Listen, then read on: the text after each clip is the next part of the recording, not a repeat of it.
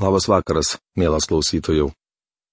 Šiandien mes toliau keliausime Biblijos puslapiais, Naujojų testamentu, pirmų laiškų tesalonikiečiams. Noriu priminti, kad praėjusioje laidoje pradėjome nagrinėti antrąjį šios knygos skyrių, kurio tema - Kristaus ateimas yra veiksminga viltis. Nuo pirmos iki šeštos eilutės mes su jumis išnagrinėjome temos dalį tikro Kristaus liudytojo motyvai ir metodai. Nuo septintos iki devintos eilutės motiniškas apaštalo tarnavimas, kitaip paguoda. Ir šiandien dabar, po maldos, žiūrėsime į kitą temos dalį. Tėviškas apaštalo tarnavimas, kitaip reikalavimas. Mūsų tėve, kuris esi danguje, mes dėkojame tau, kad tu pašaukiai mus iš šio pasaulio ir kad tu šiandien šaukiai kiekvieną, kuris išgirs tave prabylanti į savo širdis, į savo protus per tavo žodį. Dėkojame tau už tarnystę, kurią suteiki, kad galime skelbti Evangelijos žinę žmonėms. Prašom, kad tavo geroji naujiena, Evangelija, pasiektų kiekvieną klausantį šios laidos ir tavo žodžio. Dėkojame tau už šį vakarą, kad galime pavesti save į tavo rankas, atmetę bet ką, kas trukdo mums išgirsti tavo pamokymus, pakaltinimus, įvedimą į visą tiesos pilnatvę. Pripildyk mūsų savo dvasia ir paliesk neišgelbėtas sielas, kad nei vienas neliktų abejingas svarbiausiam savo gyvenimo pasirinkimui. Pameldžiame Jėzaus vardu. Amen.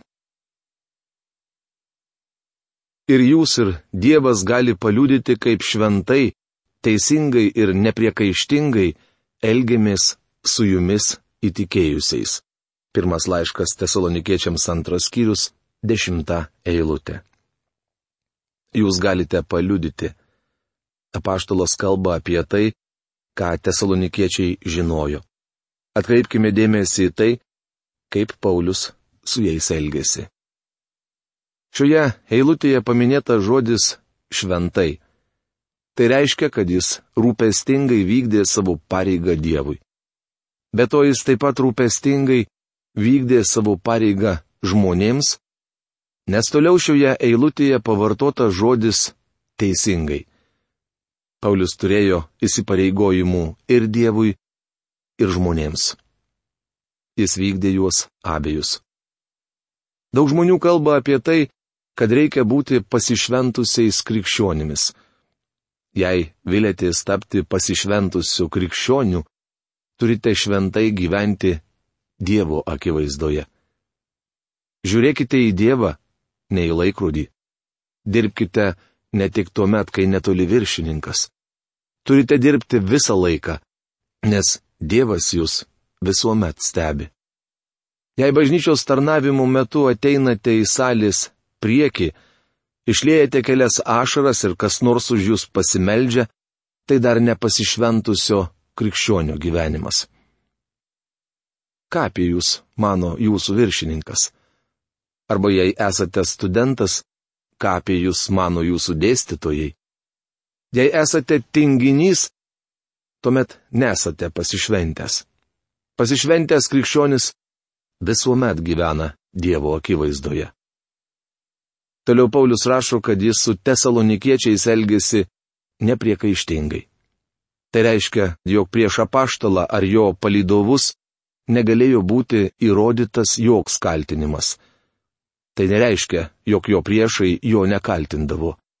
Be jokių abejonių jie kaltindavo apaštalą ir jo bendražygius tačiau kaltinimai būdavo nepagrysti. Žmonės kalbės apie jūs bjaurystės, tačiau svarbu būti tikram, jog kritika nėra teisinga. Paulius ir jo palidovai gyveno šventai. Tai nepaprastai svarbu. Šventas gyvenimas neturi įtakos jūsų išgelbėjimui, tačiau yra susijęs su žmonių, kurie jūs supa ir stebi išgelbėjimu.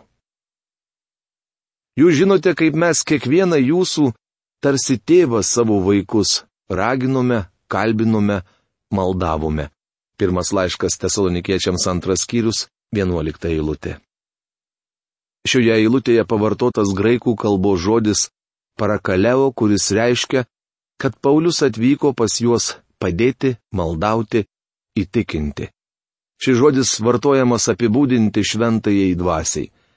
Kaip prisimenate, Evangelijos pagal Joną 16 skyriuje nuo 7 iki 11 eilutės užrašyti viešpaties Jėzaus žodžiai, kad jis pasiūs šventąją dvasę, kuri įtikins pasaulį dėl nuodėmis, teisumo ir teismo. Visuomet jaučiau, kad skelbiama Evangelija neturi šventosios dvasios jėgos, jei ji neskelbiama taip, kad šventoji dvasia galėtų žmogų apkaltinti. Tai reiškia, jog ji turi įtikinti žmogų dėl nuodėmės, dėl teisumo ir dėl teismo. Skelbiant Evangeliją šie trys elementai būtini. Žodis kalbinome arba kaip parašyta angliškame vertime guodėme, čia vartojamas ne ta reikšme, kurią jį vartojame šiandien. Šio žodžio reikšmę mes jau aptarėme kalbėdami apie motinišką apaštalų tarnavimą. Šioje eilutėje žodis kalbinti reiškia įtikinti, įkalbėti.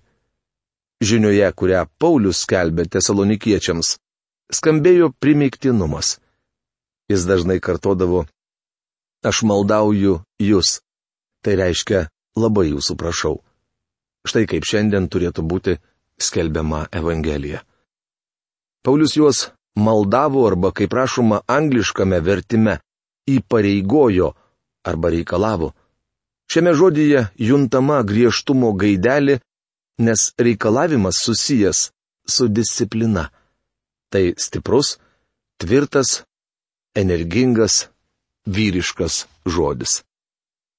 Manau, kad šiandien iš mūsų sakyklų skamba daug bailių pamokslų, kuriuose nėra jokio primiktinumo. Kažkas vidutinės liberalios bažnyčios tarnavimą apibūdino taip.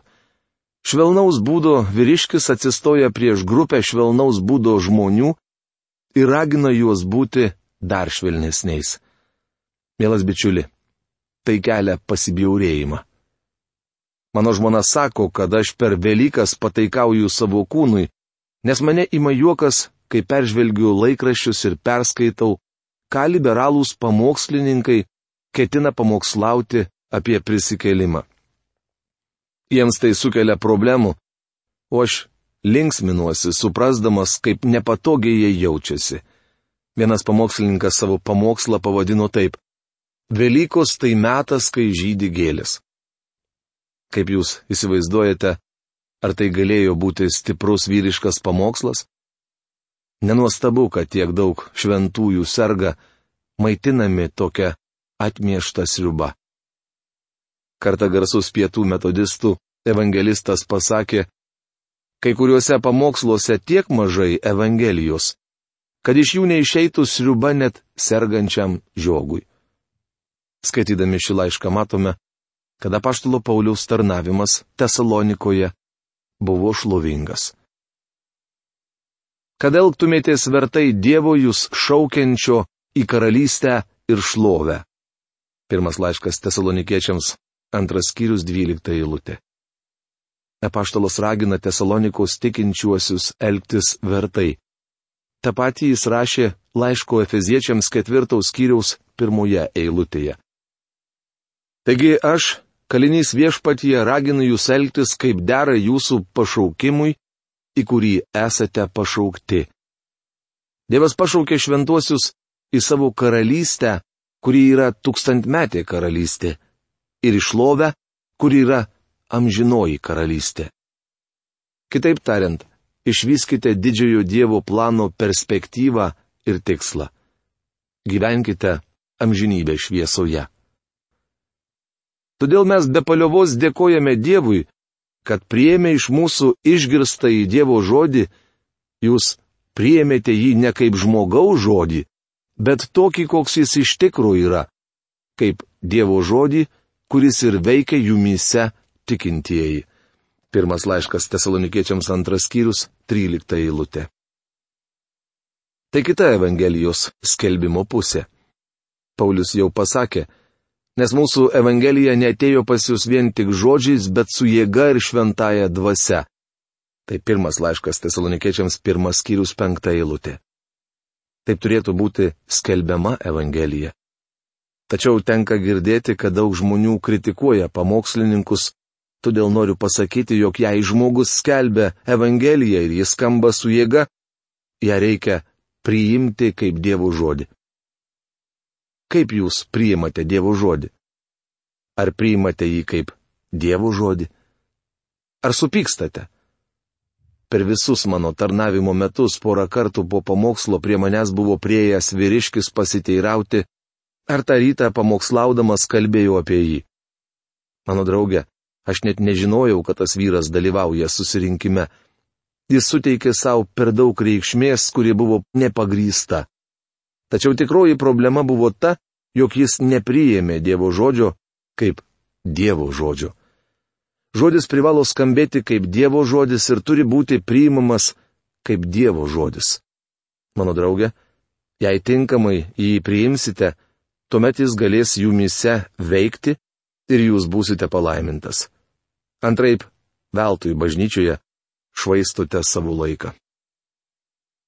Skaitydami šį laišką matėme, kaip Paulius skelbė Dievo žodį. Tai erzino kai kuriuos žmonės, nes Dievo žodis yra druska, o druska gelia patekusi ant šviežios nuodėmės padarytos žaizdos. Dievo žodis yra šviesa, tačiau daug žmonių myli tamsą, nes jų darbai yra pikti. Šiame laiško tesalonikiečiams skyriuje Paulius moko, kad Dievo bažnyčia turi atspindėti Dievo šeimą žemėje. Jau skaitėme apie motiniškus ir tėviškus santykius su tikinčiaisiais. O dabar skaitysime apie broliškus santykius. Kartai žmonės sako, mūsų bažnyčia - šeimos bažnyčia. Jie turi galvoje, kad bažnyčioje prižiūrimi kūdikiai, vyksta tarnavimai mažiems vaikams, paaugliams, sutoktinių tarnavimai, skirti tėčiui ir mamai ir galiausiai tarnavimai vyresnio amžiaus žmonėms - močiutė ir seneliui. Žmonės tai vadina šeimos bažnyčia. Nesu tikras, kad Paulius būtų kada nors taip padalinęs bažnyčią ir aš netai turiu galvoje, sakydamas, kad bažnyčia turėtų atspindėti Dievo šeimą. Lygiai taip kaip ir šeima, Bažnyčia turėtų būti Dievo apreiškimas bendruomeniai. Vyro, žmonos ir vaiko santykiai namuose turėtų atspindėti trejopą Dievo ir Kristaus meilę pasauliui. Paulius jau kalbėjo apie motinišką vietinės bažnyčiaus tarnavimą. Jis troško dirbti dieną naktį, kad juos pamaitintų taip, kaip paukštė maitina savo jauniklius. Jis darbavosi ne aštuonias valandas per dieną, bet triūsė dėl jų visą laiką. Vėliau Paulius prisipažįsta, jog jis tai bažnyčiai buvo tarsi tėvas. Vaikui namuose reikia patirti ir motinos, ir tėvo meilę. Šiais laikais, kai tėvai gyvena atskirai arba yra oficialiai išsiskyrę, vaikai išgyvena tragediją. Labai dažnai vaikai taip ir lieka nepatyrę tėviškos meilės. Tėvo meilės išraiška yra disciplina. Paulius tvirtina, jog jis Tesalonikos bažnyčiai buvo tarsi tėvas. Kai kurie puikūs Biblijos mokytojai nepamokslauja apie nieką kitą, išskyrus paguodą. Jie nuolat guodžia šventuosius, o žmonėms tai patinka, nes kiekvienam malonu, kai jį guodžia. Man patinka, kai man glosto galvą ir tapšnoja per petį. Tai fiziškai pagodžia ir suteikia džiaugsmo. Tačiau mums reikia ne vien paguodos, bet ir disciplinos. Baiminuosi, kad ne tik mūsų namuose ir valstybėje, bet taip pat ir bažnyčioje apgailėtinai trūksta tėviškos disciplinos. Broliškas apaštalo tarnavimas, kitaip iššūkis. Brolišką bažnyčios tarnavimą galima būtų palyginti su vaikų auginimu šeimoje. Jūs, broliai, tapote sekėjais Dievo bažnyčių judėjoje, kurios yra Kristuje Jėzuje, nes tą patį iškentėjote nuo savo tautiečių, kaip ir jos nuo žydų. Pirmas laiškas tesalonikiečiams antras skyrius 14 eilutė. Apaštalas Paulius šioje eilutėje vartoja malonų kreipinį broliai. Tikriausiai jums kyla klausimas, kaip žmonės tampa broliais. Tai vyksta dviem būdais.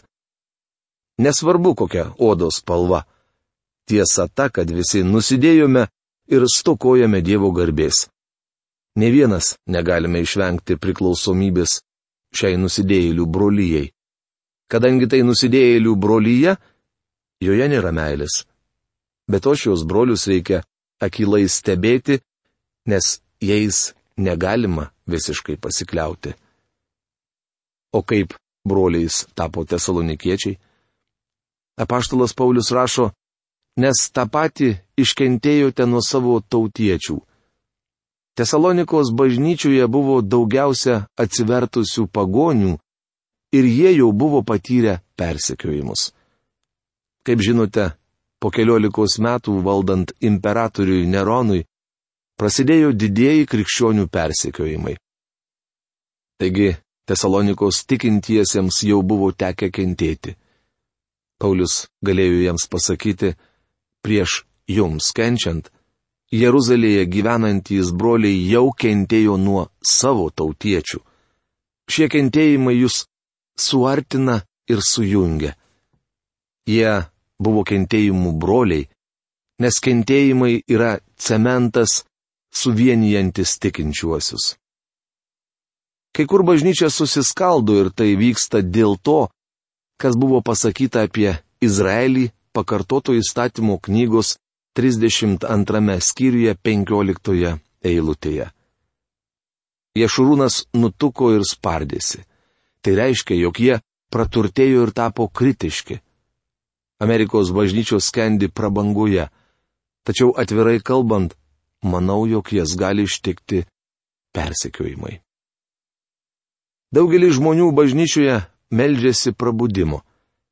Žinau nemažai maldos grupių, kurios dėl to reguliariai susitinka. Tačiau niekada nesu girdėjęs, jog jie savo maldose būtų išreiškę pasiryžimą kesti persekiojimus, kad priartintų prabudimą. Mano nuomonė, esant dabartiniai situacijai, prabudimas į mūsų šalį neteis. Šiuo metu žmonės vėl ėmė domėtis Dievo žodžiu ir kai kas vadina tai prabudimu. Tačiau aš su tuo nesutinku. Tikiu, jog jei bažnyčia prabustų, mes visi apie tai žinotume. Ne vienam nereikėtų klausti, kaip manai, ar prabudimas jau atėjo? Aš tvirtai tikiu, jog jei bažnyčia imtų kentėti, tai tikinčiuosius suartintų. Mes nustotume beprasmiškai vienas prie kito kabinėtis ir pripažintume, jog kiekvienas Dievo vaikas yra mūsų brolis. Gali iškilti įvairių nesutarimų, tačiau kiekvienas tikintis viešpačiu Jėzumi Kristumi yra mano brolis. Mes esame Dievo šeimoje ir pasaulis turi tai matyti. Kai bažnyčioje iš tikrųjų bus tokie santykiai, tuomet ateis prabudimas. Mes norime pasiekti prabudimą trumpiausių kelių, vien dėl jo melzdamiesi. Kodėlgi nesimeldžiame dėl sąlygų, kurioms esant prasideda prabudimas? Anksčiau prabudimų priežastis būdavo didelis žmonių vargas. Didysis veslio judėjimas kilo tamsiomis Anglijos dienomis, kai buvo susidariusi revoliucinė situacija. Regis kaip tik tokios sąlygos padeda ateiti prabudimui. Galbūt šiandien mūsų šalis netoli nuo to. Kurie nužudė viešpatį Jėzų ir pranašus, kurie persekiojo ir mus. Jie nepatinka Dievui ir yra visų žmonių priešai nes draudžia mums skelbti pagonims, kad šie būtų išganyti. Taip jie nuolat pildo savo nuodėmių saiką ir ant jų krinta galutinė Dievo rūstybė. Pirmas laiškas Tesalonikiečiams antras skyrius 15-16 eilutės. Mano nuomonė ši eilutė nepaprasta. Joje atskleidžiamas puikus principas. Dievas leidžia nuodėmiai nueiti visą kelią. Senojo testamento pranašai dažnai vartodavo metaforą perpildyta nedorybės taurė. Dievas leidžia šiai tauriai prisipildyti, kad šetonas negalėtų pasakyti, matai, man niekuomet nebuvo suteikta galimybė, nes Dievas neleido atlikti visko iki galo. Manau, jog didžiojo suspaudimo metas - tai laikas, kuomet Dievas duos šitonui visą laisvę. Mielas klausytojų, tokia žinia šiandien. Iki greito sustikimo. Sudie.